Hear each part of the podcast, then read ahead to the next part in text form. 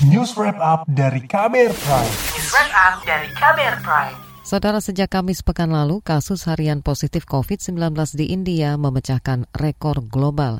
Jumlahnya kini bahkan mencapai hampir 350 ribu orang dalam satu hari.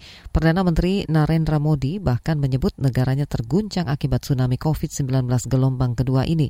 Lantas bagaimana Indonesia mengantisipasi transmisi virus corona impor, khususnya dari India?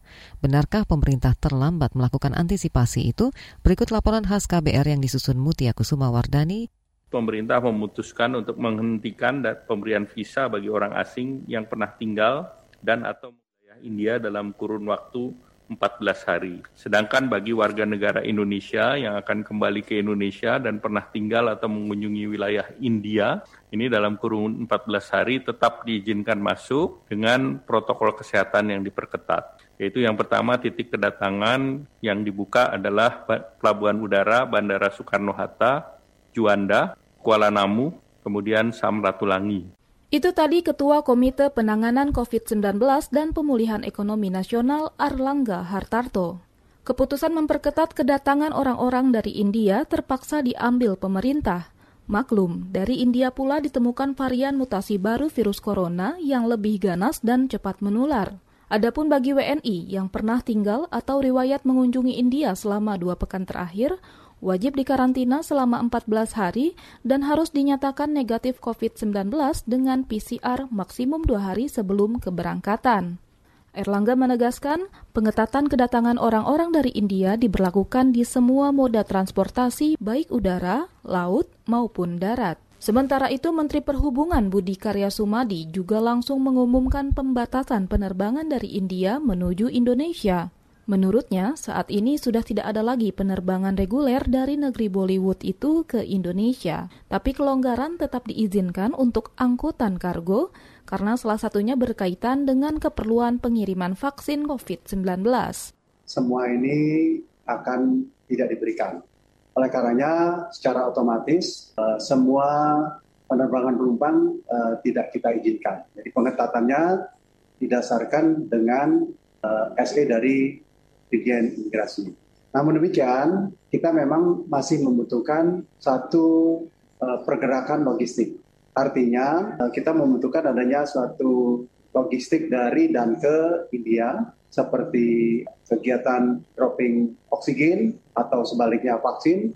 Itu tadi Menteri Perhubungan Budi Karya Sumadi. Sementara itu, Kementerian Kesehatan memastikan 12 warga negara India yang masuk ke Indonesia dan dinyatakan positif COVID-19 telah dilakukan pengambilan sampel untuk tes whole genome sequencing untuk mengetahui varian COVID-19 yang menginfeksinya. Menteri Kesehatan Budi Gunadi Sadikin berasumsi ratusan warga negara India itu diperkirakan ramai-ramai datang ke Indonesia karena di negaranya tengah berlangsung tsunami COVID-19. 127 WNA yang sudah dilakukan tes semua, sampai saat ini ada 12 penumpang yang sudah positif dan dari 12 penumpang itu semuanya kita lakukan genome sequencing, cuma hasilnya belum keluar untuk genome sequencingnya. Menteri Kesehatan Budi Gunadi juga mengatakan mutasi baru virus COVID-19 dari India India sebenarnya telah masuk ke Indonesia. Untuk itu, masyarakat diimbau harus lebih waspada dan patuh protokol kesehatan. Budi mengklaim pemberlakuan pembatasan kegiatan masyarakat atau PPKM hingga skala mikro dan vaksinasi COVID-19 di Indonesia sudah berhasil menurunkan angka kasus harian di Indonesia, begitu pula tingkat okupansi rumah sakit. Di sisi lain, Pengamat kebijakan publik Trubus Rahardian Syah menilai, pemerintah terlambat mengantisipasi pergerakan atau kehadiran orang-orang dari India. Ia merekomendasikan agar pemerintah melakukan koordinasi lebih ketat lagi antar instansi, sehingga tidak memberikan akses sementara bagi warga India untuk masuk ke Indonesia. Kalau masih kebobolan juga, Trubus menyarankan kebijakan deportasi mutlak diberlakukan. Ya kalau terlambat diantisipasi bisa kita apa apa namanya bayangkan bahwa ini akan terjadi penularan yang masif. Karena kebetulan eh, virus yang masuk ke orang di India itu kan jenis baru ya, jadi varian baru yang merupakan mutasi dari virus yang sudah ada.